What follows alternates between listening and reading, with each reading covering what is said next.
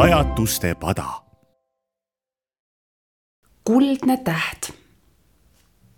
oli talv, oli öö. kolm väikest jänest läksid välja jalutama ja taevas säravaid tähti imetlema. oli võlutud talveöö. kolm väikest jänest mängisid ja hullasid lumeküngaste vahel. äkki hüüdis Ruubi mummel kolmest jänesest noorim.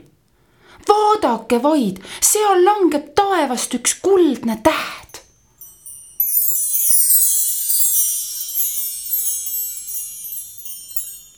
kui juba oli see täht kadunud. oi, see oli nii ilus täht. tulge, lähme seda tähte otsima, ütles Ruubi mummel. nii asusid jänesed teele suurde metsa. Mida kaugemale nad jõudsid, seda pimedamaks ja külmemaks läks väljas. tähest ei leidnud nad mingit märki ja üsna peagi olid nad eksinud hirmust ja külmast hakkasid kolm väikest jänest värisema. see on kõik sinu süü, Ruubi mummel, ütlesid mõlemad vanemad jänesed. sina üksi nägid seda tähte ja nüüd tulevad kindlasti hundid ja söövad meid ära. aga Ruubi mummel, kolmest jänesest noorim, ei lasknud end teiste jutust hirmutada. ärge hakake kohe pabistama pange tähele, mida ma nüüd teen. ja talveöö vaikusesse hüüdis ta nii valjult, kui jõudis. halloo, kas keegi kuuleb?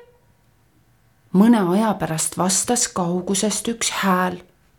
halloo, ma tulen juba. kellele see hääl kuulus, ei teadnud keegi. kolm väikest jänest ehmusid kohutavalt. loodetavasti ei ole see nõid. loodetavasti ei ole see tont. loodetavasti ei ole see hunt. aga see oli hoopiski kloun. hei, tulge kaasa, hüüdis ta. etendus algab kohe. sest sellel võlutud talveööl andis rändtsirkus keset metsa etenduse võib-olla näen ma siin oma tähte, sõnas Ruubi mummel, kui valgustatud telgis algas etendus. kuid peagi oli ta muusikast täiesti võlutud. Ta imetles žonglööre, võimlejaid, kloune ja köietantsijaid nii, et ta oma tähe täiesti unustas. lõpuks andis pikk trummipõrin teada etenduse kõrghetkest, viimasest ja kõige ilusamast numbrist. tsirkuse areenile kappas kuldsete kapjade ja lehviva lakaga hobune. Helkivate tulede mängus hakkas ta mööda areeni galopeerima ikka kiiremini ja kiiremini. siis ühte kuldsesse pilve mähitult ilmus ratsanik kergelt nagu sulg hüppas ta galopeerivale hobusele selga. ta oli nii ilus, et Ruubi mummel tundis ta kohe ära. see oligi tema kuldne täht.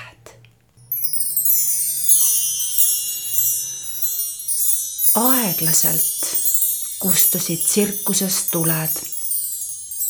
etendus oli lõppenud oi, kui hilja juba on, ütles vanim kolmest jänesest oi,.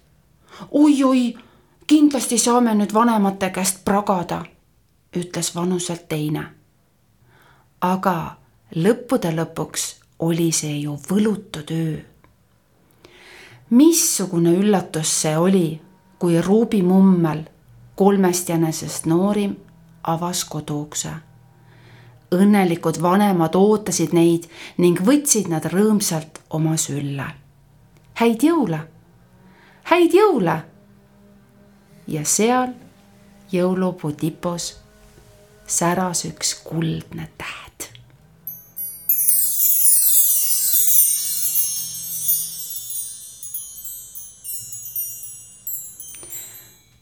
Muinasjutu luges Tuuli Jukk Põltsamaa raadios detsembris kaks tuhat kakskümmend üks.